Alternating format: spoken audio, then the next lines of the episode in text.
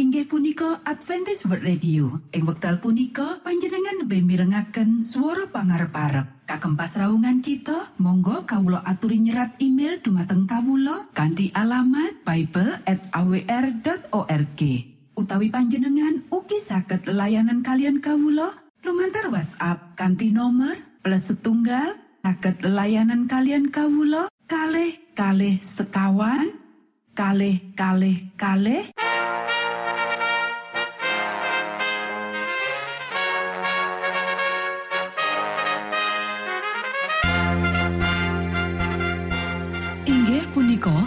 Adventis World Radio ingkang giaran kanti basa Jawi.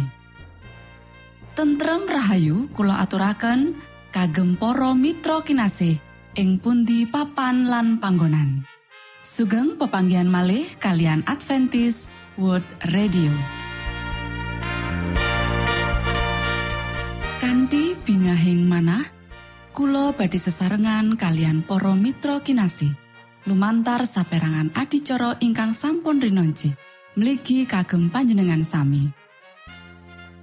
Mugi giaran punika saged migunani tuwin dados berkah kagem kita sedaya.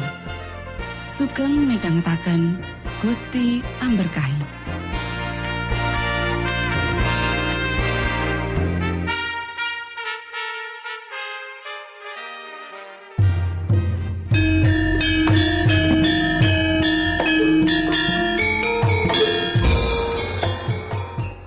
Para pamirsa kinasih ing Gusti Yesus Kristus. Ing wekdal punika kita badhe sesarengan ing adicara ruang kesehatan. Ingkang saestu migunani kagem panjenengan saha kita sami. Tips utawi pitedah ingkang dipun aturaken ing program punika tetales dawuhipun Gusti ingkang dipunnyatakaken ing kitab suci. Semantan ugi sakehing seratan ingkang dipun wangsitaken dening Gusti Allah. Nanging saderengipun monggo kita sami midhangetaken kidung pujian.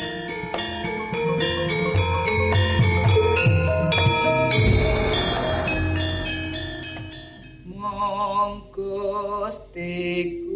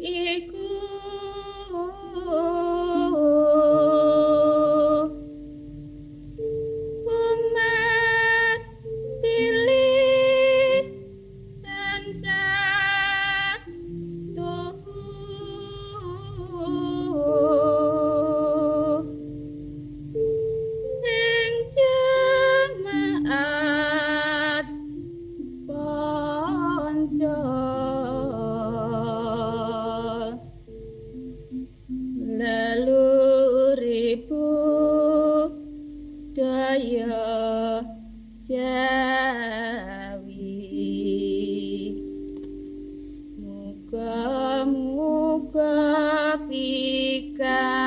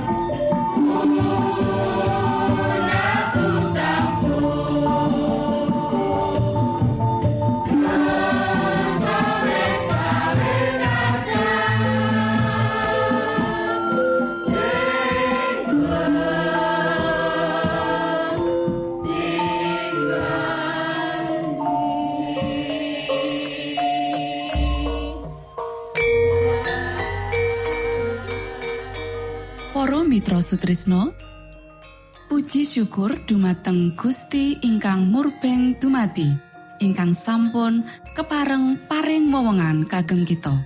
Satemah saged nglajengaken ruang kesehatan.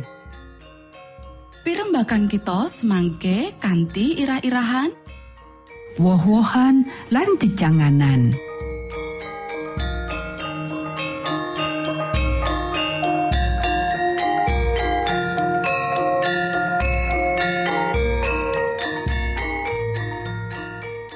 Shalom para pamirsa ingkang dahat kinormatan sugeng pepanggian malih kalian kula Isti Kurnaidi ing adicara ruang kesehatan.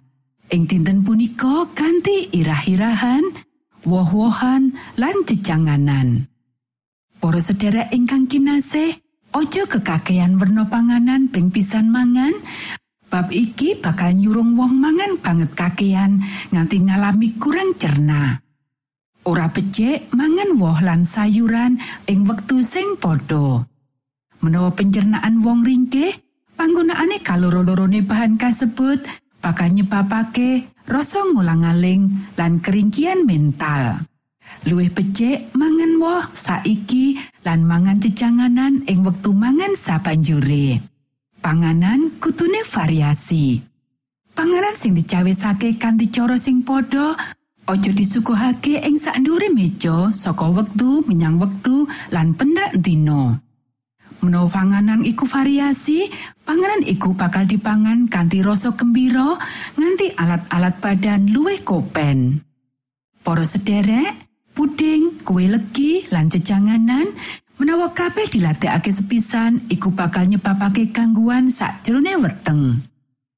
Koe merlokake sawijining wong ahli panganan kanggo nulung nyiapake panganan ing omahmu.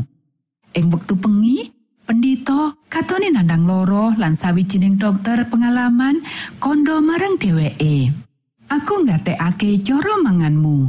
Koe mangan banget kakean werna panganan ing siji wektu. Menawa woh-wohan lan cecanganan dipangan pisan bareng, iku bakal nimbulake asam lambung. Banjur getih kecemar, pikiran kacau amarga pencernaan ora sampurno. Koe kudu memahami menawa saben organ badan kutune dilakokake kanthi rasa paling hormat. Sakjroning papangananmu kudu netimbangake masalah sebab lan akibat. Para sederek biasane wong gunakake gula kekakean sakjroning panganan.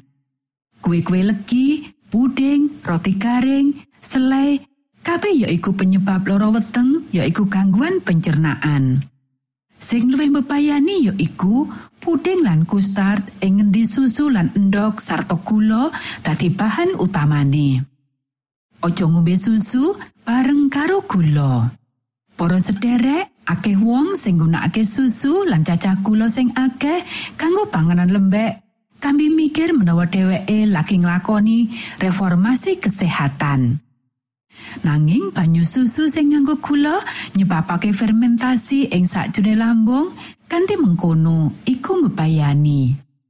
Para sederek ingkang kinasih, luwih sedidik panganan nganggo bumbu lan cuci mulut ing sakndure meja nedha, luwih becik kanggo kabeh wong sing mangan panganan iku. Kabeh jenis panganan kanthi resep sing ruwet banget mbebayani marang kesehatan manungsa. Kewan sing padha wae ora bakal kelemangan panganan kaya iku sing asring dilebokake menyang jerone weteng manungsa. Panganan mewah kanthi resep ruwet banget ngrusak kesehatan. Matur nuwun, Gusti amberkahi.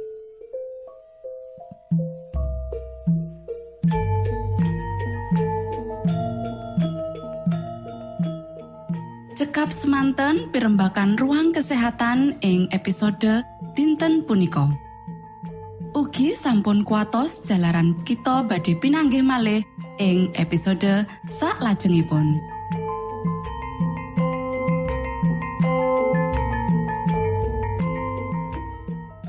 inggih punika adicara ruang kesehatan. Menawi panjenengan gadah pitakenan utawi ngersaakan katrangan ingkang langkung Monggo Kulo aturi. Kinton email dateng alamat ejcawr@ gmail.com utawi lumantar WhatsApp kanti nomor 025 pitu 00 songo songo papat 00 pitu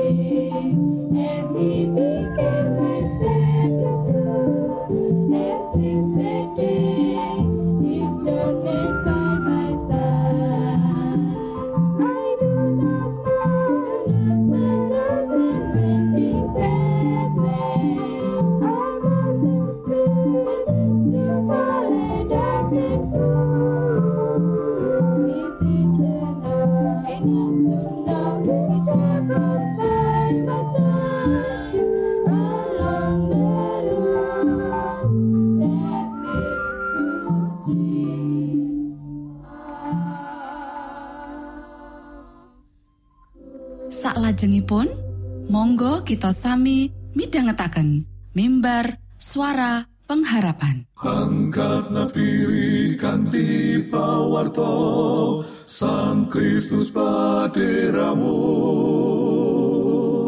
Pro umat samyo puji asmanyo Sang Kristus paderamu. Inggih punika mimbar suara pengharapan. Ing episode punika kanthi irah-irahan. Tetanggelan pangreksaning Gusti Allah. sugeng tondo Sang Kristus paderamu ilmu kawero tambah tambah. Sang Kristus paderamu paderamu paderamu Sang Kristus paderamu Shalom para sedherek ingkang kinasih wonten ing Gusti. Sakmenika kita badhe mitangetaken renungan Sabda pangandikanipun Gusti. Ing dinten punika kanthi irah-irahan tetanggelan pangreksaning Gusti Allah Para sedherek ingkang kinasih ayo diwaca kitab Sabur pasal petang puluh ayat loro nganti papat Aku nganti-anti banget marang Sang Yehuwa nuli iya diuningani sarta pasambatku dipiarsakake. Aku dientasake saka luwenging pilai lan saka ing bladering rawa. Sikilku banjur dietekake ana ing parang, jangkahku dikukuhake. Apa dene cangkemku diparingi kidong anyar, kidong pamuji marang Allah kita. Akeh wong kang padha weruh temahan wedi lan banjur kumandel marang Pangeran Yehuwa. Para sedherek ingkang kinasih, Gusti Allah ngatingalake sarirane jroning kitab suci minangka Gusti Allah kang gesang kang tumindak kanggo wong-wong kang padha sambat ing ngarsane. Kanggo sang juru Mazmur, aku tansah madhep marang Sang Yehuwa menawa panjenengane jumeneng ana ing tengenku, aku mesti ora keku. Sabur pasal 16 ayat 8. Marga saka iku sang juru Mazmur tansah ngandelake lan sesambat marang Gusti Allah. Kita bisa maca ing kitab Sabur pasal pitu ayat loro lan pasal songo ayat 11. Sang Yehuwa bakal miarsakake pasambate senaosa saka ing jurang kang jero banget.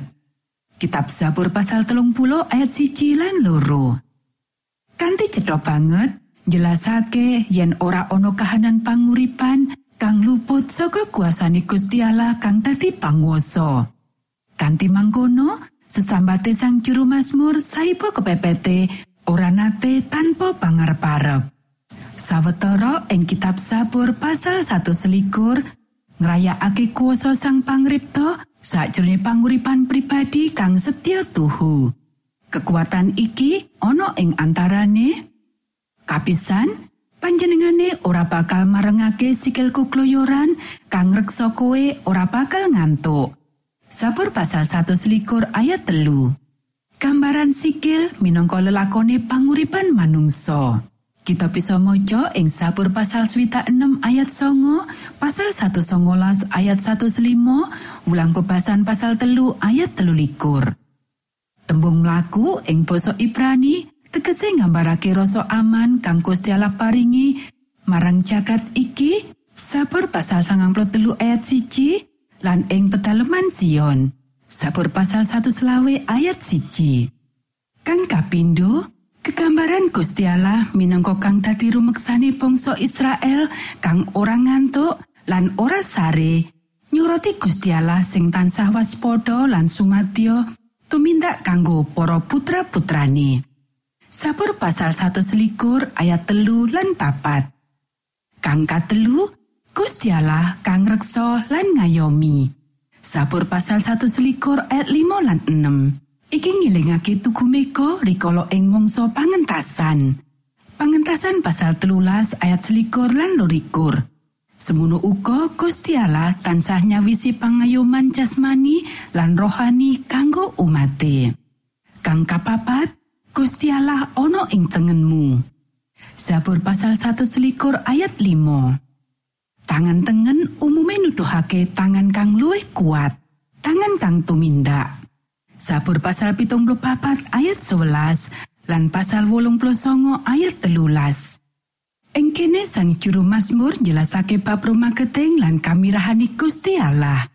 Sabur pasal 16 ayat 8, pasal 110 ayat 5. Kang kalimo, pangayomane Gusti Allah kanthi cetha dijlentrehake ing Sabur pasal 1 selikur ayat 6 nganti wolu.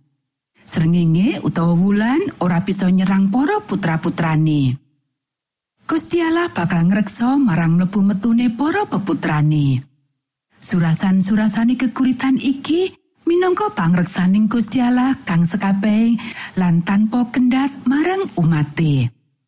Cekak aose, sang juru Mazmur percaya marang pangreksane sih katresnaning Gusti Allah. Kita sak mestine kudu tumindak kaya mangkono uga. Matur nuwun, Gusti amberkahi.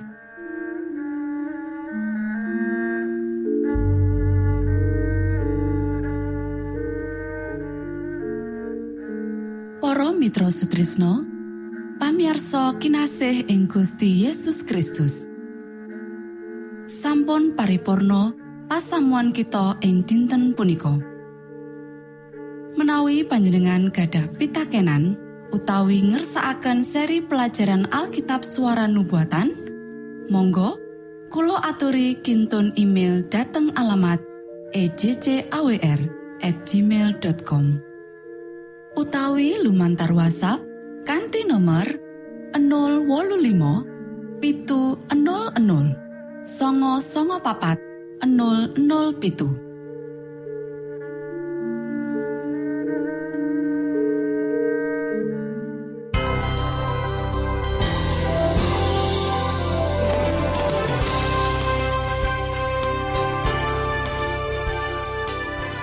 Matur nuwun kagem wektalipun kita badhe pinanggih malih ing gelombang ugi wekdal ingkang sami.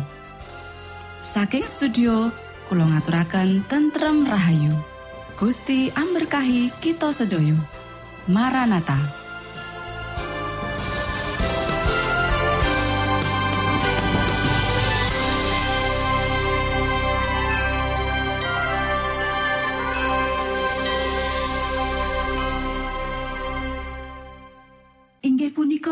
Adventist World Radio. Ing wekdal punika panjenengan lebih mirengaken suara pangarep-arep. Kagem pasraungan kita, monggo kawulo aturi nyerat email dumateng kawulo kanthi alamat bible@awr.org. Utawi panjenengan ugi saged layanan kalian kawulo lumantar WhatsApp kanthi nomor plus setunggal saged layanan kalian kawulo kalih kalih sekawan kalih kalih kalih